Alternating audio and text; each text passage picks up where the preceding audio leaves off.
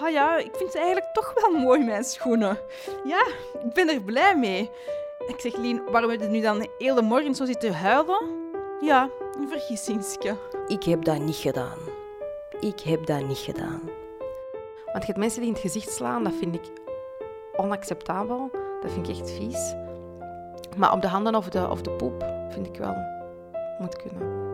Je, je hebt heel vaak de neiging om heel de tijd te zeggen moeten, moeten, moeten. Hè. Ze heeft wel deugen niet de ogen, dus ik verwacht wel kattenkwaad, eerlijk gezegd. wie is het warm? Dit is Vraag het aan, een podcast van EOS Wetenschap. Ik ben Lisbeth Gijssel en in vier afleveringen zal ik het hebben over opvoeding. Mama of papa worden, het is een breuklijn in je leven. Plots is daar een wezentje dat helemaal van jou afhangt. Hoe moet dat dan, ouder zijn? Doe ik het wel goed? Elke ouder heeft wel eens twijfels. Als mama van drie zonen zit ik ook geregeld met de handen in het haar. Hoe doen andere ouders dat, denk ik dan? Wel, ik heb het hen gevraagd. Mhm. Ik ben Lemja, ik ben 34 jaar oud, eh, mama van Shams. Ik ben Lotte, alleenstaande mama van. Ehm, ik ben Maxime, ik ben 29. Ik heb een dochtertje, Anna Paula, dat volgende week eh, negen maanden oud wordt. Ik ben Sophie, ik ben 39 jaar. Ik woon samen met mijn man Stijn. En wij hebben samen drie kinderen. En wat zeggen experts? Opvoedboeken en adviezen genoeg, maar wat zegt de wetenschap hierover?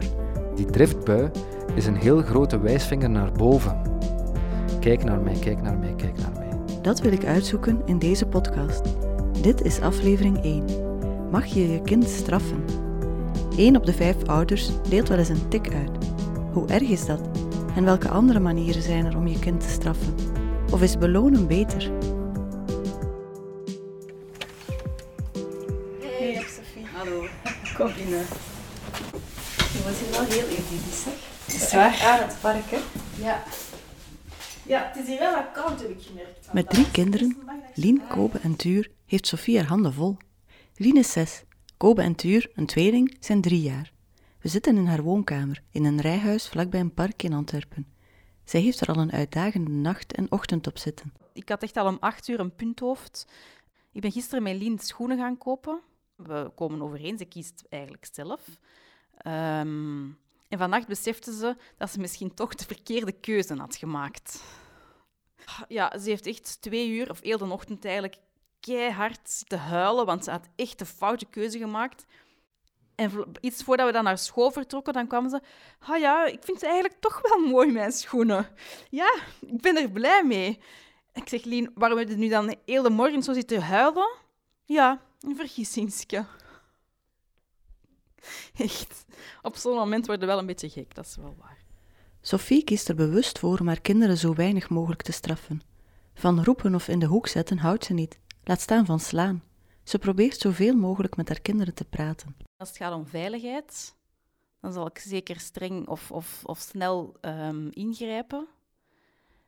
En ook misschien lichamelijk, in de zin van ze weghalen bij waar dat ze zijn of zo, of als ze een scherp mes vast hebben, op die manier. Ehm, maar op andere momenten zal ik toch vooral proberen om het uit te leggen, in de hoop dat ze het dan begrijpen en eh, voor de volgende keer dat onthouden hebben. Soms is dat wel ijdele hoop, maar ehm, ja, ik hou er nogal van om de dingen uit te leggen en ik hoop dat ze dat dan begrijpen. Ik heb eigenlijk al van jongs af aan proberen te doen, ook als ze er eigenlijk nog zeker niks van begrepen.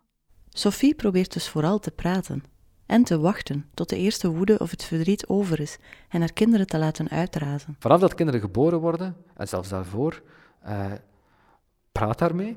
Eh, neem jouw kind au serieus, en dat betekent ook spreek daarmee. Dit is Philippe Noens. Ik zoek hem op in de Odyssee Hogeschool in Brussel, waar hij aan het kenniscentrum Gezinswetenschappen onderzoek voert. Als pedagoog kent hij wel wat van opvoeding. En hij heeft thuis ook vier kinderen rondlopen. Zowel theorie als praktijk dus. Jouw kinderen hebben jou ook iets te vertellen, zelfs kunnen ze, al kunnen ze zich misschien niet altijd goed uitdrukken. Jouw kinderen willen jou iets vertellen. Hè. Die hebben al een bepaalde eigenheid die zij willen meedelen aan jou.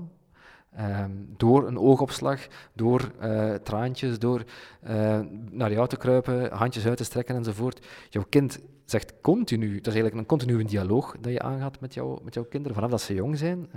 En ehm, je kan die eh, op de, vanaf de leeftijd van, van 1, 2 jaar, kan je daar bepaalde redeneringen mee voeren.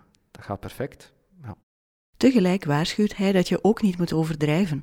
Als je kind iets doet wat niet mag, is het niet altijd zinvol om daar achteraf op terug te komen, vindt hij.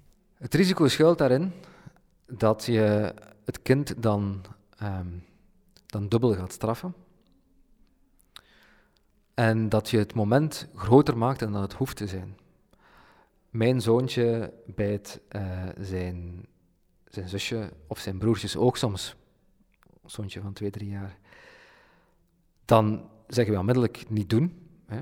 Uh, maar ik ga niet continu aan hem zeggen waarom dat dan niet moet. Ik heb dat een paar keer gedaan en ik zal, ik zal dat in de toekomst ook nog wel een paar keer herhalen.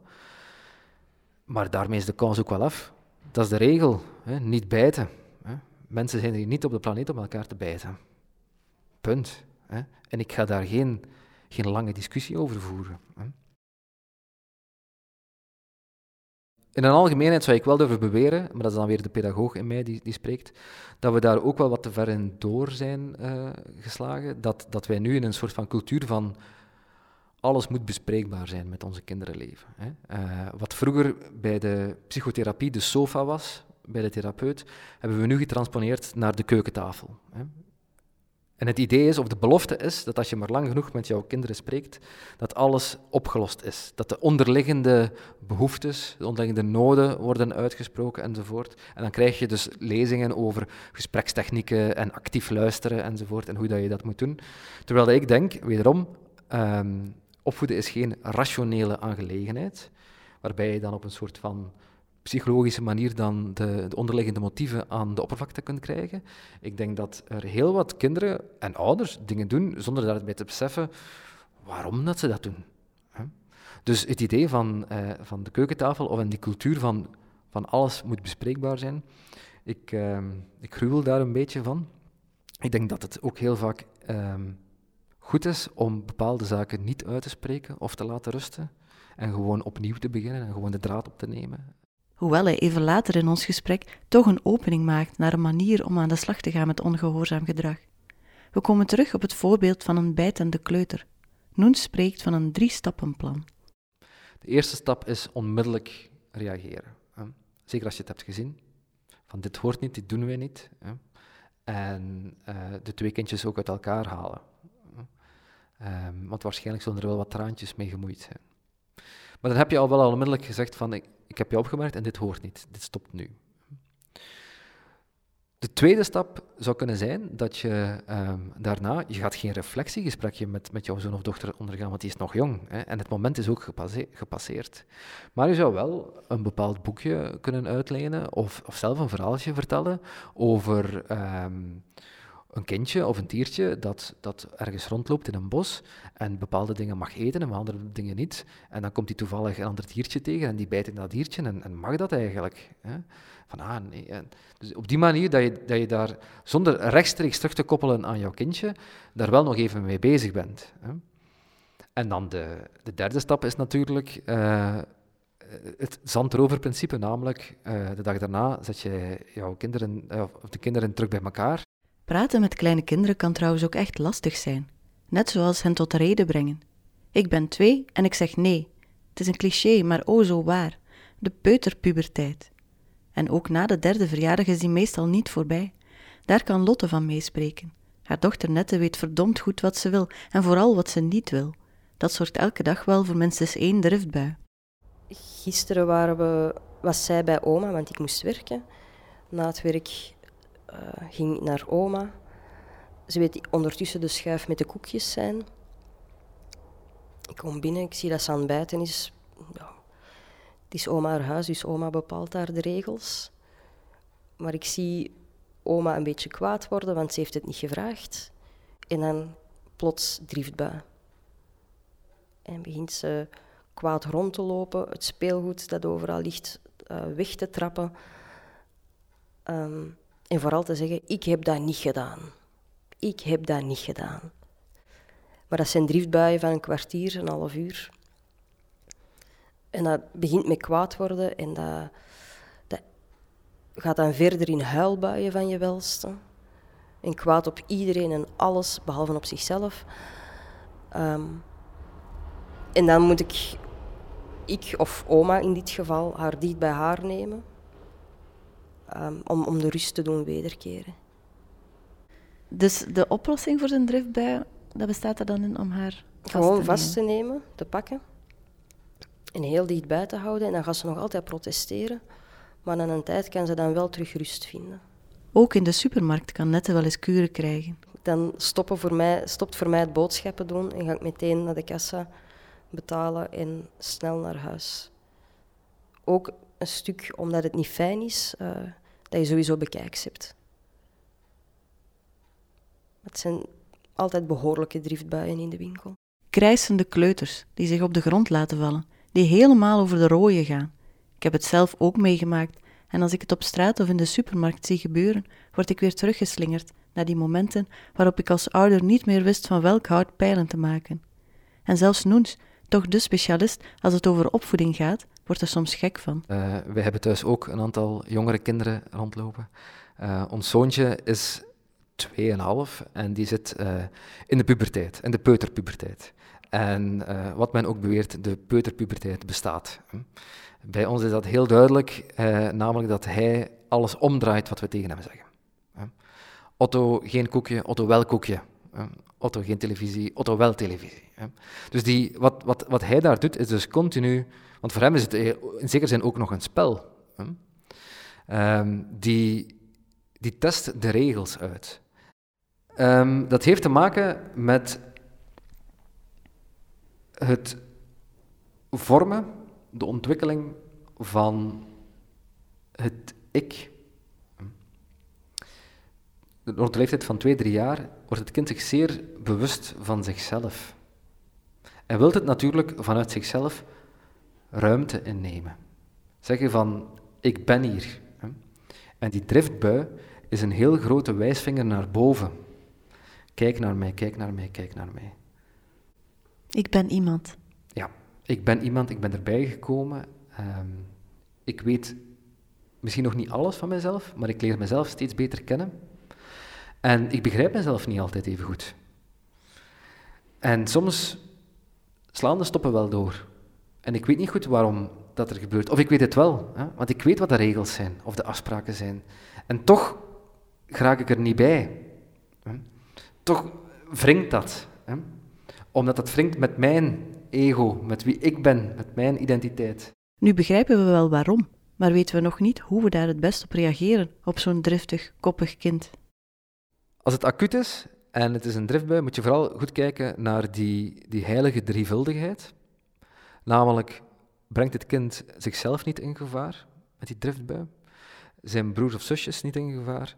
En jou als opvoeder of als ouder niet in gevaar? En dan moet je kijken, eh, welke van die, als dat alle drie nee is, hè, dan zou je kunnen zeggen, dan ga je verschillende richtingen eh, opgaan. Hè. Je kan zeggen van goed, eh, we laten hem even driftig zijn. Hè. Eh, het zal zichzelf wel uitwerken. Ehm, je kan zeggen van ja, nee, eh, we moeten eigenlijk dringend ergens naartoe. Hè. Heeft nu geen tijd, hij of zij heeft nu geen tijd om, om, om, om vast te lopen, hè, om til te slaan. Eh, dus we beginnen alvast met ons aan te kleden. En ook al eh, heeft ons zoon of dochtertje geen, geen begrip daarvoor, we gaan al zijn jasje aandoen en we gaan al zijn schoentjes aandoen, en ook al schopt hij die weg enzovoort, maar het, het, het moet gewoon, dus je, in zekere zin negeer je dan een klein beetje die, die, die- je, je gaat gewoon verder met de orde van de dag. Maar als hij wel iets van die heilige drievuldigheid, hij of zij, in, in gevaar brengt, ja, dan, kan je niet, dan kan je niet anders dan onmiddellijk interveneren en onmiddellijk te zeggen van, eh, stop. Hè. Negeren dus, als het kan. Zelf boos worden heeft geen zin, zegt Noens. Je kan drift niet met drift uitschakelen. Dat gaat niet. Het is niet dat een kind aan, aan, het, aan het roepen is, dat je die kan overroepen en dat daarmee opgelost is. Het is niet dat een kind driftig is, dat je dan zelf jouw drift moet uiten. Om te kijken van, kijk eens wat ik kan, ik kan dat ook, want dan ben je weer aan het vergelden. Dan ben je weer eh, een soort van partnership in boetedoening aan het doen. Hè. A, ik ga ervoor zorgen dat jij het even hard voelt als, als, als ik nu. Dus je laat die gewoon op de plaats waar die staat of, of, of loopt. En je laat die gewoon doen dan? Of moet je dan een time-out voorzien? En die ergens anders proberen te plaatsen. Een ruimte waar je die niet hoort of of zo. hangt er vanaf waar of hij of zij loopt. Hè. Als dat is in op een publieke plaats, zoals een supermarkt, dan vind je dat vervelend als ouder natuurlijk. Hè. Want dan, dan voel je je al bekeken. Hè. Eh, je kan dat wel eens. Hè. Je kan dan zeggen van, voert, ik ga naar een ander rion. Hè. En ik laat die daar even, daar even staan. Ja. Natuurlijk nooit te lang. Hè. Eh, dat zou je kunnen doen. Je kan die ook gewoon vastpakken en, en in, jouw, in jouw karretje zetten. Hè. Dat kan. Of zeggen van, ja, de volgende keer ga je niet mee naar de winkel. Eh dan gaat mama of papa wel, wel alleen. Als het lang aanvoelt, zou ik kunnen zeggen, ehm, waarom inderdaad niet zeggen van, bon, dit winkelen, dit lukt niet. Hè. Ik, ga, ik heb hier zelf geen plezier niet meer aan. Ik pak het kind op. Ehm, als er weinig producten in het karretje zitten, zet ik ze terug weg, anders reken ik snel af. Ik ga met, eh, mijn zoon of dochtertje naar de auto. En, dan, kan je, dan kan je eigenlijk nog, nog verschillende dingen doen. Je kan eventjes in de auto zitten te samen en kijken van, kan ik hem of haar eh, tot bedaren brengen? Je kan het kindje in de, in, de, in de wagen zetten en daar zelf naast staan en even de deuren dicht doen van, Jezus Christus, het is weer zover. Hè? Eh, je kan naar huis rijden. Je kan verschillende, maar je bent alles is al weg van die publieke plaats. hè. En dat kan misschien wel een verschil maken in hoe dat jij jou daarbij voelt bij die situatie. Ja. En zoals Lotte doet, haar dochtertje net te vasthouden. Vastnemen is. In bepaalde momenten kan dat een straf zijn, maar, maar in heel wat opzichten is dat, is dat eh, een beloning in de zin van dat is een comfort, dat kan comfortabel voelen. Hè? Ehm, en ik denk dat dat kan de comfortzone zijn om de drift of de grill los te laten. Noens heeft ook nog advies om driftbuien te voorkomen. Kleine kinderen hebben veel energie en die energie moet ergens naartoe, zegt hij. De boog mag niet altijd gespannen staan. En dan is er een ontlading. En de ontlading is dermate krachtig dat die kinderen daar een klein beetje in blijven hangen. De vulkaan blijft spuien. Hè. Dus in zekere zin eh, helpt het wel om met jouw kinderen buiten te komen, te laten spelen, naar speelpleintjes te gaan eh, en dergelijke. eh. Zorg dat jouw kinderen niet continu het gevoel hebben van ik ben hier opgesloten in, tussen die vier muren met een afgegrensde tuin en dus ook een klein beetje opgesloten in mijzelf. hè. Dat gaat niet alle soorten driftbuien oplossen, hè, maar het idee dat zij die spanning en die energie kunnen verdelen doorheen de dag, hè, gaat daar wel een, een meerwaarde in bieden. Woedende kleuters, ze kunnen veel reactie oproepen van omstaanders. Lotte maakte dat ook al mee in de supermarkt, toen een oudere vrouw zei dat ze Nette beter een klets zou geven. Kinderen slaan, vroeger hoorde het bij de opvoeding. Ook vandaag geeft één op de vijf ouders hun kinderen af en toe een tik. Lotte ook, als Nette echt zwaar over de streep gaat. En ook Lemja heeft niet echt problemen met de tik, zolang die de uitzondering blijft. Ik vind in een pedagogische tik vind ik ook, ik ben daar, ik ben daar wel voor. Van sommige mensen hebben zoiets van, ah nee, ik vind, ik vind dat dat wel moet kunnen. Ook afhankelijk van waar. Want je hebt mensen die in het gezicht slaan, dat vind ik onacceptabel. Dat vind ik echt vies. Maar op de handen of de, of de poep vind ik wel moet kunnen. Ik zit bij Lemja in de woonkamer. Haar zoontje Shams is anderhalf en speelt tijdens ons gesprek boven. Zijn tante past op hem. Kinderen echt slaan, dat keurt Lemja af. Maar een tik, dat moet kunnen. Shams is nog klein en ze hoeft hem niet veel te straffen. En Lemja laat haar reactie ook afhangen van wat hij precies mispeutert. Ehm, is dat bijvoorbeeld krabben of zo? Of, of, iets, of, of slaan met zijn, ja, met zijn hand uiteraard. Ehm, dan geef ik wel zo met mijn vinger een tik op zijn handje. Ehm, ik doe dat niet altijd, omdat ik soms merk, hoe meer aandacht dat je eraan geeft, dan vindt hem dat precies leuk of denk- denkt hem dat dat een spelletje is. En ehm, ja, dat werkt dan alleen maar averechts. Dus eh, dat doe ik niet altijd. En dan soms merk ik ook dat gewoon mijn stem verheffen. Allee, niet verheffen, vooral de intonatie veranderen. Ehm, of gewoon ja, niet meer lachen en een serieuze blik aannemen. En dan kijkt hem zo en dan denkt hij van, oei, ik word hier, krijg hier mijn voeten. En dan kijkt hij hem als een deugeniet in je ogen en begint hij zo te, te gibberen. En zo van, allee. En dan, ja, dan smelt je en dan, ja, dan moet je lachen en dan is het, eh, is het gedaan. Haar kindje een tik geven ziet Lemja wel als laatste optie, net als Lotte. Er zijn nog veel andere mogelijkheden die je eerst kunt uitproberen, vindt ze. Er zijn verschillende opties. Hè? Ik denk dat dat de, de- best als laatste optie wordt gehouden. Uiteindelijk, je kunt straffen, je kunt een speelgoedje afnemen, je kunt weet ik veel. Alleen naarmate ze groter worden, eh, vroeg naar bed, geen tv, je kunt met zoveel zaken straffen. En ik denk zo, ja, dat, die pedagogische tik, dat kan, maar wel echt als laatste optie. Of misschien afhankelijk van de grootte van, van de zaak dat hem dan op dat moment heeft mispeuterd. Lemja kreeg vroeger zelf ook soms een pak slaag. Terecht, vindt ze.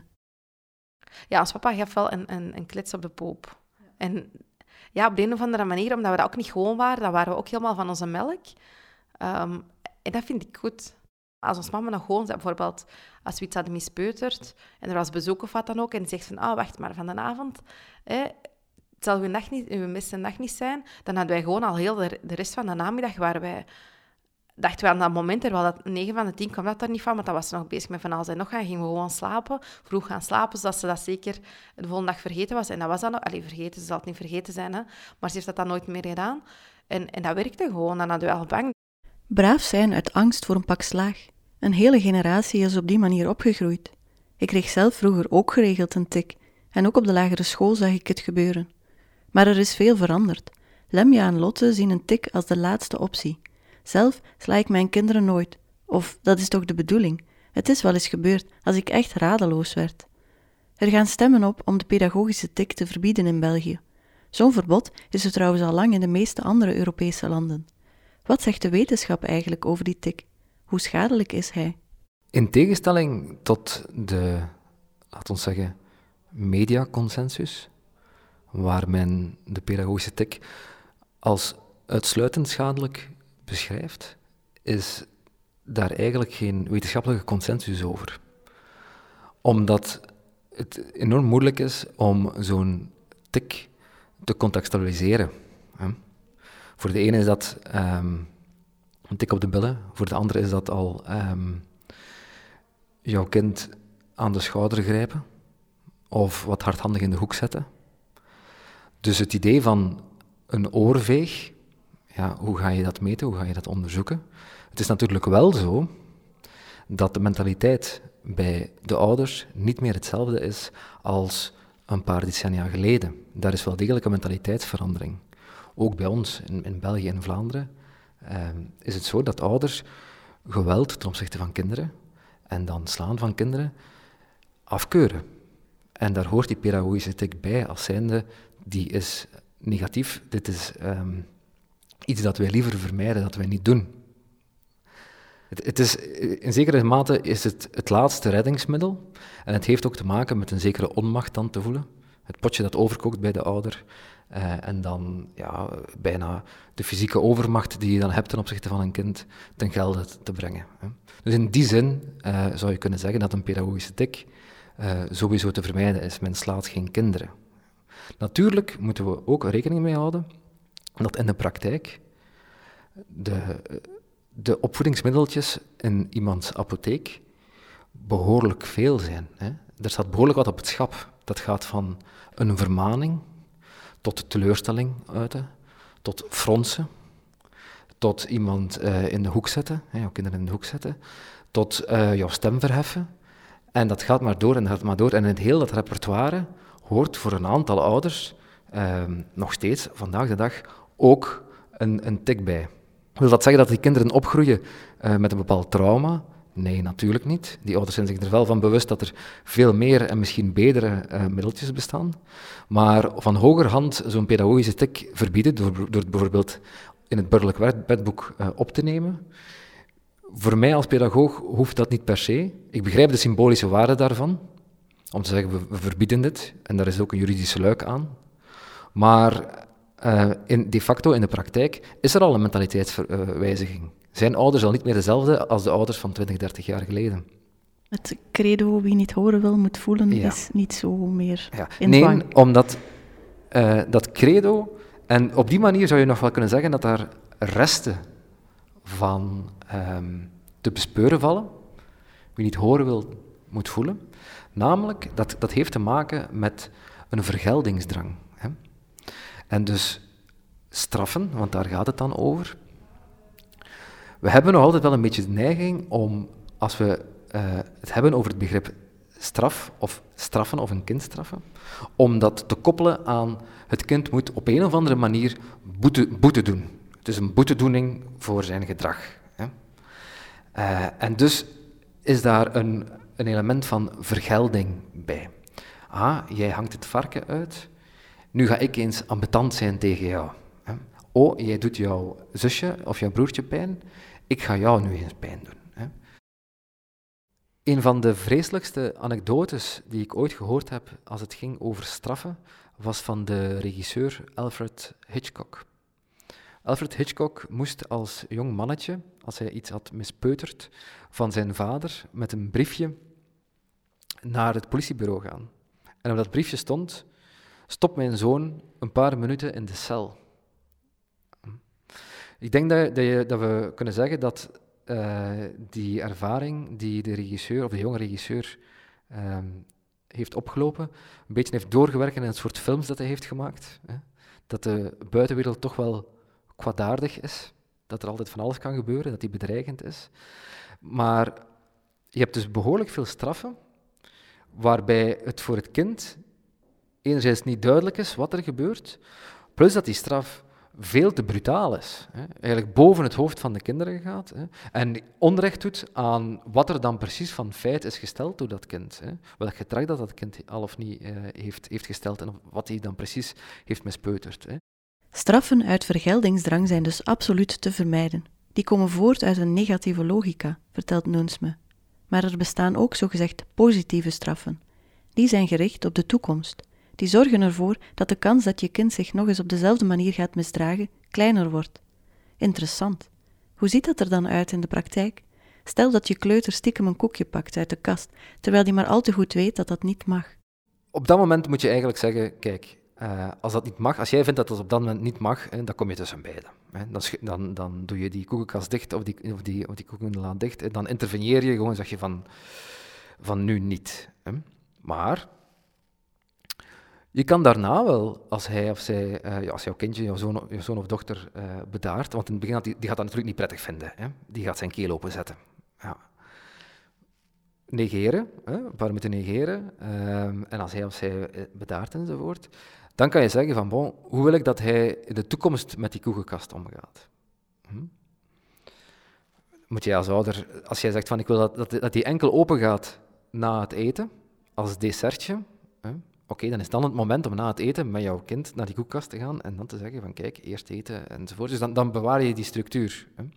Als je zegt van nee, eigenlijk mag jij, mag of zij dat wel doen na schooltijd, oké, dan, dan, dan, dan ga je samen met hem of haar naar die koekenkast. En als jij jezelf niet daar naartoe beweegt, dan moet hij dat ook niet doen. Hè.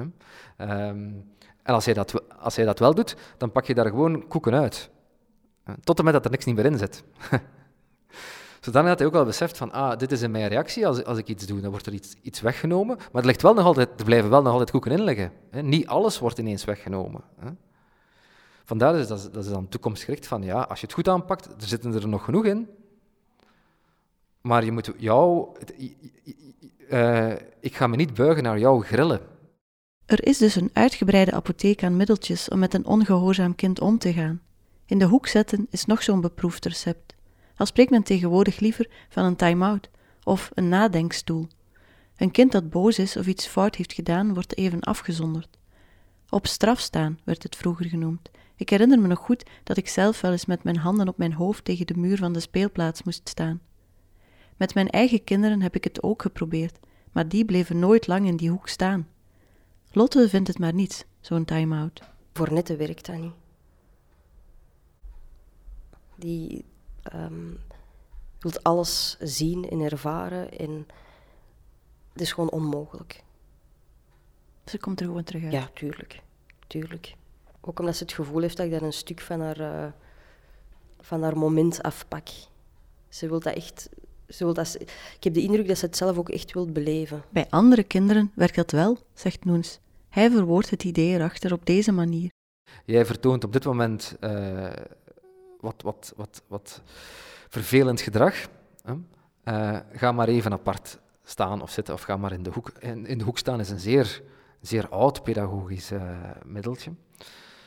En dat werkt, en nu kom ik bij mijn eigen gezinssituatie, dat werkt als je rekening houdt met de eigenheid van dat kind.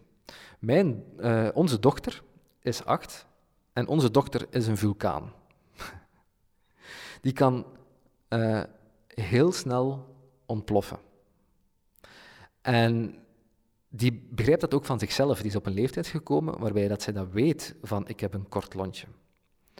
En als we dan aan tafel zitten en het gaat over iets banaal, de, de grootte van, uh, van de groenten op haar bord, en zij ontploft, dus dat zij eigenlijk uh, buiten zichzelf treedt. Hè?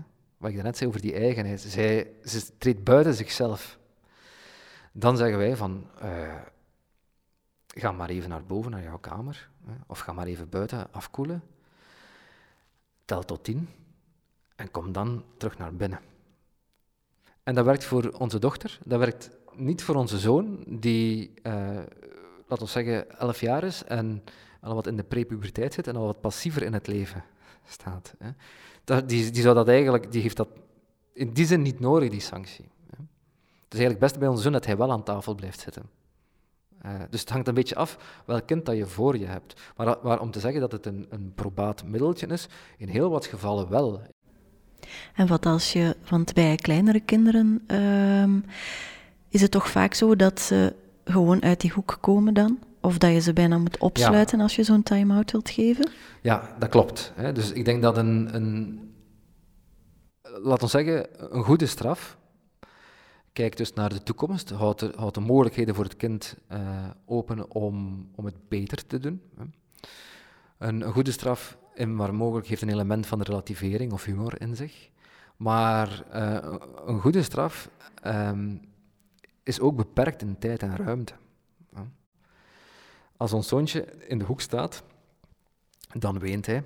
Hij beseft waar hij staat. Maar na tien seconden uh, kijkt hij alweer rond uh, en maakt hij al aanstalten om terug uit de hoek te gaan. Nu, hij heeft daar toch maar mooi een aantal seconden ingestaan. Heeft toch maar mooi het effect uh, beleefd van wat het is om in de hoek te, staan.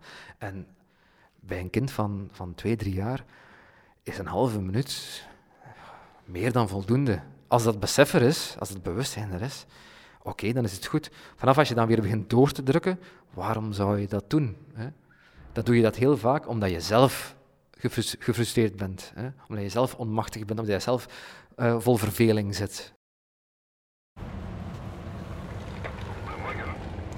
Maxime, het is Lisbeth, hè? Kom maar naar de derde verdieping. Ja, oké. Okay.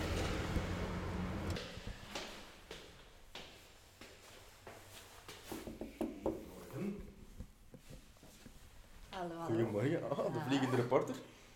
Ja, je dacht misschien, waar blijven de vaders? Dit is Maxime. En hij is negen maanden geleden vader geworden van een dochtertje, Anna Paula. Ze is nog te klein om ongehoorzaam te zijn, maar toch heeft Maxime al nagedacht over hoe hij zijn dochter wil opvoeden. Heel mild dus. Gewoon omdat ik denk dat, dat praten over waarom iets niet mag uh, verstandiger is en beter werkt. Ook wel iets moeilijker is en iets meer uh, geduld vraagt. En, maar ik denk dat dat op lange termijn u geen windeieren ligt. Integendeel, het zal misschien rebellie en een beetje milderen. En ervoor zorgen dat er, geen, dat er op den duur minder kattenkwaad wordt uitgehaald. Niet omdat het niet mag, maar gewoon omdat het echt veel miserie is voor uw liefhebbende ouders om dat dan weer op te kuisen of zoiets. Hè. Dus ik denk dat dat uh, wederzijds begrip uh, proberen zo snel mogelijk te installeren, dat dat een effectievere manier is dan straffen en belonen. Maar ja, bon, zoals gezegd, de praktijk zal dan nog moeten uitwijzen of dat, dat lukt. Hè. Uh, maar ehm, ja, ik denk dat is een klein beetje toch het programma dat we voor ogen hebben. Het is nog wat klein, ze heeft wel deugen niet de ogen, dus ik verwacht wel kattenkwaad, eerlijk gezegd. Uh, maar um, voorlopig stelt zich die vraag nog niet, inderdaad. Ook Lemja's zoontje Shems is nog te klein om echt stout te kunnen zijn, maar ook zij heeft voornemens. Ik vind roepen afschuwelijk, omdat... Ja, dat zorgt alleen maar voor meer... Ja, hijsa op dat ogenblik, maar ik heb... Ja, ik denk ook niet dat dat, dat, dat hel, allee, helpt. Ik heb mij destijds voorgenomen, maar ik zeg het, ik heb het ook nog niet zo hard moeten toepassen. Ik zou heel graag, als ik echt boos of, of echt woest ben op dat ogenblik, dat ik, wil ik... Dat klinkt misschien heel zot, maar dan wil ik fluisteren. Allee, in de zin van, als ze weet dat ik totaal niks meer zeg of, of dat ik heel stil begin te praten, dan weten van, oei, nu ben ik echt heel ver gegaan. Ehm, maar ja, ik weet niet, als ik echt uh, over mijn toeren ben op dat ogenblik, ik weet niet of dat mij dat zou lukken. Roepen, dat is eigenlijk iets interessants. Um, dat het stemverheffen of, of roepen, hè, dat, heeft, dat heeft een instant effect bij kinderen. Met name de eerste keren. Dan kan je, want dat, dat, is, bijna een, een maatregel die, um, die dan en daar alles stillegt. Hè. Je overroept de situatie. Hè. En dat kan je doen. Hè. Dat mag je ook doen, maar je moet ervan bewust van zijn dat na verloop van tijd er gewenning optreedt. En dat er na verloop van tijd kan er van alles gebeuren. Langs de ene kant kan er gewenning optreden, langs de andere kan het zijn dat, dat jouw kinderen zich stilletjes aan een beetje beginnen afkeren tegen boze mama of boze papa. Hè. Omdat zij denken dat van, oei, dat, dat behoort dan tot de persoonlijkheid van mijn vader en moeder. Hè. Terwijl dat misschien helemaal niet jouw intentie is. En een derde, naast gewenning en eh, naast afkeer, is, is onbegrip. Hè. Het, niet, het niet begrijpen waarom dat jij daar zo aan het roepen bent. Want wat gebeurt er als je aan het roepen bent? En ik lach altijd als mijn vrouw, mijn vrouw die, die verheft haar stem frequenter dan mij. Maar zij weet heel vaak niet waar haar zinnen gaan eindigen. Ze is bezig met te roepen en ze wil wel iets verduidelijken aan de kinderen, maar ze weet zelf niet heel goed wat er gaat komen. En dat is bij heel wat mensen het, uh, het geval. Je begint uh, jouw stem te verheffen, je begint te roepen, maar je hebt helemaal niet, niet nagedacht wat je precies wilt overbrengen aan jouw kinderen. En het stiller praten of gaan fluisteren, is dat dan beter? Als je roept, creëer je vaak letterlijk ruimte tussen jou en jouw kinderen. Die kruipen wat weg, die wandelen wat weg, die willen niet bij jou zijn, want jouw potje kookt over. Als je stiller praat, roep je bijna de kinderen tot bij jou. Van waar heeft hij het over? Werkt niet altijd. Hè? Het, het interessante is bij straffen en belonen dat heel wat ouders bijna instinctief en intuïtief weten hoe dat zij hun kind het beste kunnen aanpakken. Je instinct volgen, aanvoelen wat voor jouw kind het beste werkt en wat bij je eigen opvoedingsstijl past dus. Sophie heeft zo ook haar eigen oplossingen gevonden om haar kinderen te laten gehoorzamen zonder dat ze ze moet forceren je, je, hebt heel vaak de neiging om heel de tijd te zeggen moeten, moeten, moeten. Hè. Nu moeten we gaan eten, nu moeten we naar daar, nu moeten we dit doen, Ga je, nu moet je gaan aankleden. Maar je kunt dat eigenlijk allemaal anders zeggen, waardoor dat je toch iets vriendelijker overkomt en dat de kinderen niet echt de neiging hebben of het idee hebben van wij moeten hier van alles. Hè. Als je gewoon zegt van kom, we gaan nu eten. Uh, kom, het is tijd om, uh, om je aan te kleden, zelfs vertrekken we naar school. Dat geeft een denk ik, een heel ander gevoel dan als je er echt zo met je vingers staat en nu moeten we dit, nu moeten we dat. Of, of we zetten een wekkertje wanneer dat we naar school moeten vertrekken. En als dat wekkertje gaat, weten ze van oké, we moeten vertrekken. Dan moeten we niet meer staan roepen, want dan lopen ze zelf al naar de deur. Ah ja, het is tijd, we weten dat nu. Het helpt ook als kinderen het gevoel hebben dat ze zelf mee de regels of de dag hebben bepaald. Dat ze inspraak hebben. Ik denk dat vroeger mensen, de ouders toch, ook mijn ouders, vaker zeiden van het is zo en zo zal het gebeuren. Terwijl dat als de kinderen nu zeggen van oh, maar kunnen we niet eerst naar daar gaan en dan pas naar de winkel of zo, dan zal ik er vrij flexibel in zijn. Hm. Ze hebben zelf ook een stem. Ja, zeker. Misschien een grote stem bij ons. Soms misschien te groot. Waarom, waarom te groot? Ah ja, soms zit je er dan ook een beetje mee vast, omdat je dan denkt van, ik had toch wat duidelijker uh, mijn, moeten zeggen van dat niet kan. Maar dat probeer ik nu echt wel... Um, ik, probeer, ik weet dat ik soms duidelijker moet zijn van dat kan, dat kan niet. En dat ik daar soms wat te flexibel mee omga. Denk je dat, eh, dat het dan soms niet duidelijk genoeg is of zo voor de kinderen? Of?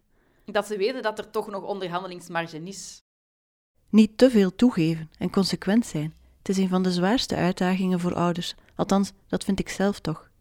Philip Noens vindt dat we best mild mogen zijn voor onszelf.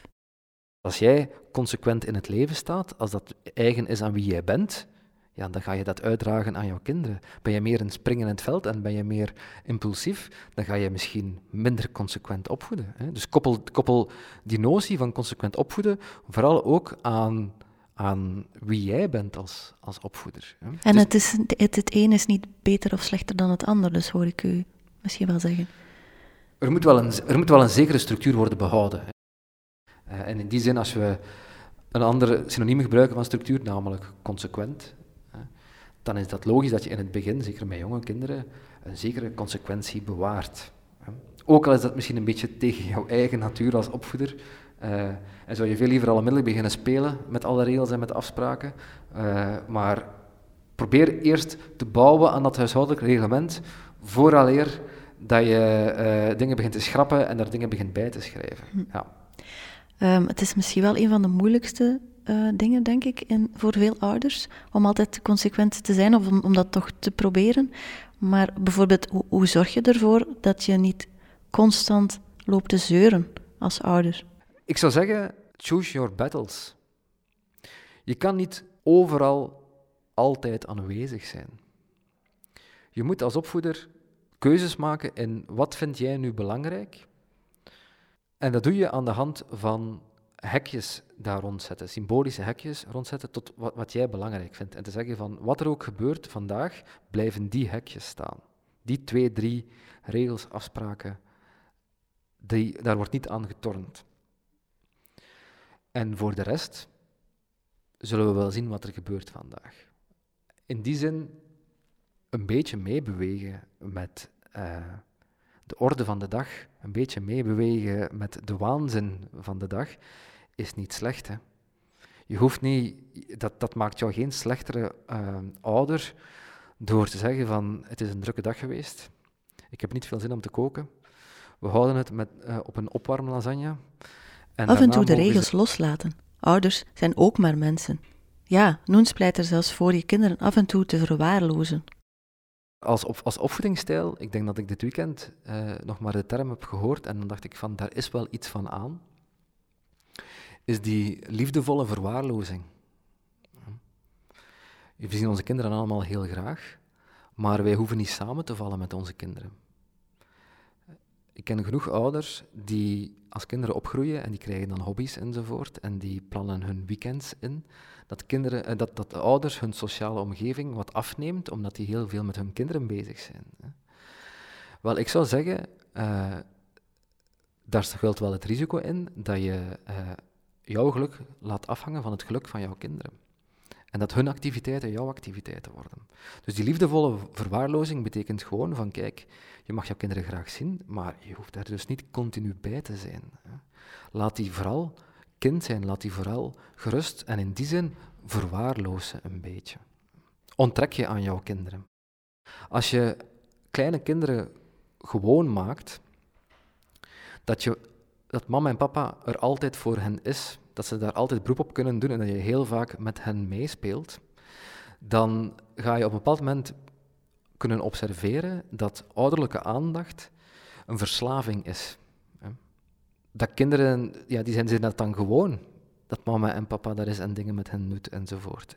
Dus wij, durf ook gewoon jouw kinderen, eh, en wederom tussen haakjes, te verwaarlozen en te zeggen, van ik heb geen tijd voor jou. Jij, of- jij moet je nu eens op jezelf bezighouden. Of ik zet jou hier en ik ga verder doen met koken of met het gras afrijden. ehm, en, en op een bepaald moment gaan ze dus dat opnemen en zeggen van, ah oké, eh, die ouderlijke aandacht, die is er wel, hè, want je bent in dezelfde ruimte of je zit in hetzelfde huis enzovoort, hè, maar die is meer een passieve aanwezigheid. Hè. En af en toe wordt die dan wel eens actief en zet je naast jouw kinderen, eh, tuurlijk wel, maar doorgaans is er de liefdevolle verwaarlozing en dat werkt. Mild zijn, ook voor jezelf, mag dus zeker. En welke conclusie kunnen we trekken over moeilijk gedrag en straffen? Belangrijkste boodschap lijkt: zoveel kinderen, zoveel manieren om ermee om te gaan. Wat voor het ene kind werkt, werkt daarom niet voor het andere. In elk geval, straffen en dan vooral positieve, toekomstgerichte maatregelen hebben bestaansrecht, vindt Noens. Op korte termijn heeft dat zijn nut. Je interveneert in het leven van jouw kinderen, je laat ze met iets ophouden, Ehm, je stelt paal en perk. Dat is een onmiddellijke interventie en dat is het nut daarvan, van heel wat straffen. Tweede nut van die straffen is eh, weg, een beetje weg te gaan van die negatieve logica van te vergelden en op zoek te gaan naar straffen die een positieve logica in zich dragen. Dus in die zin kan het ook uh, nuttig zijn. Ehm, en wij zijn verplicht om weerstand te bieden aan onze kinderen. Omdat onze kinderen heel vaak niet weten um, wat het betekent om in de wereld rond te lopen. Ik bedoel dat, dat we verplicht zijn om onze kinderen, om die grillen van onze kinderen, hè, om daar weerstand tegen te bieden. Om te zeggen van, nee, je moet je wel houden aan de geplogenheden. Hè. Wij hebben hier al over nagedacht, wij leven langer dan jij. We hebben meer levenservaring, we hebben hier meer over nagedacht. Wij weten wat het is om jou op een beleefde manier te gedragen als wij buiten komen of bij mensen zijn enzovoort. We willen jou dat aanleren, we willen jou erin introduceren. Dus in zekere zin moet jij wel ehm, gehoorzamen. En dat is een beetje de paradox van, van opvoeding. Om ervoor te zorgen dat onze kinderen vrij zijn, moeten we ze vrijheid afnemen. Om ervoor te zorgen dat ze een zelfstandig, zelfredzaam persoon zijn en hun eigen plan trekken, moeten we hen voldoende structuur geven doorheen hun jeugd. Dat is de paradox van, opvoeding.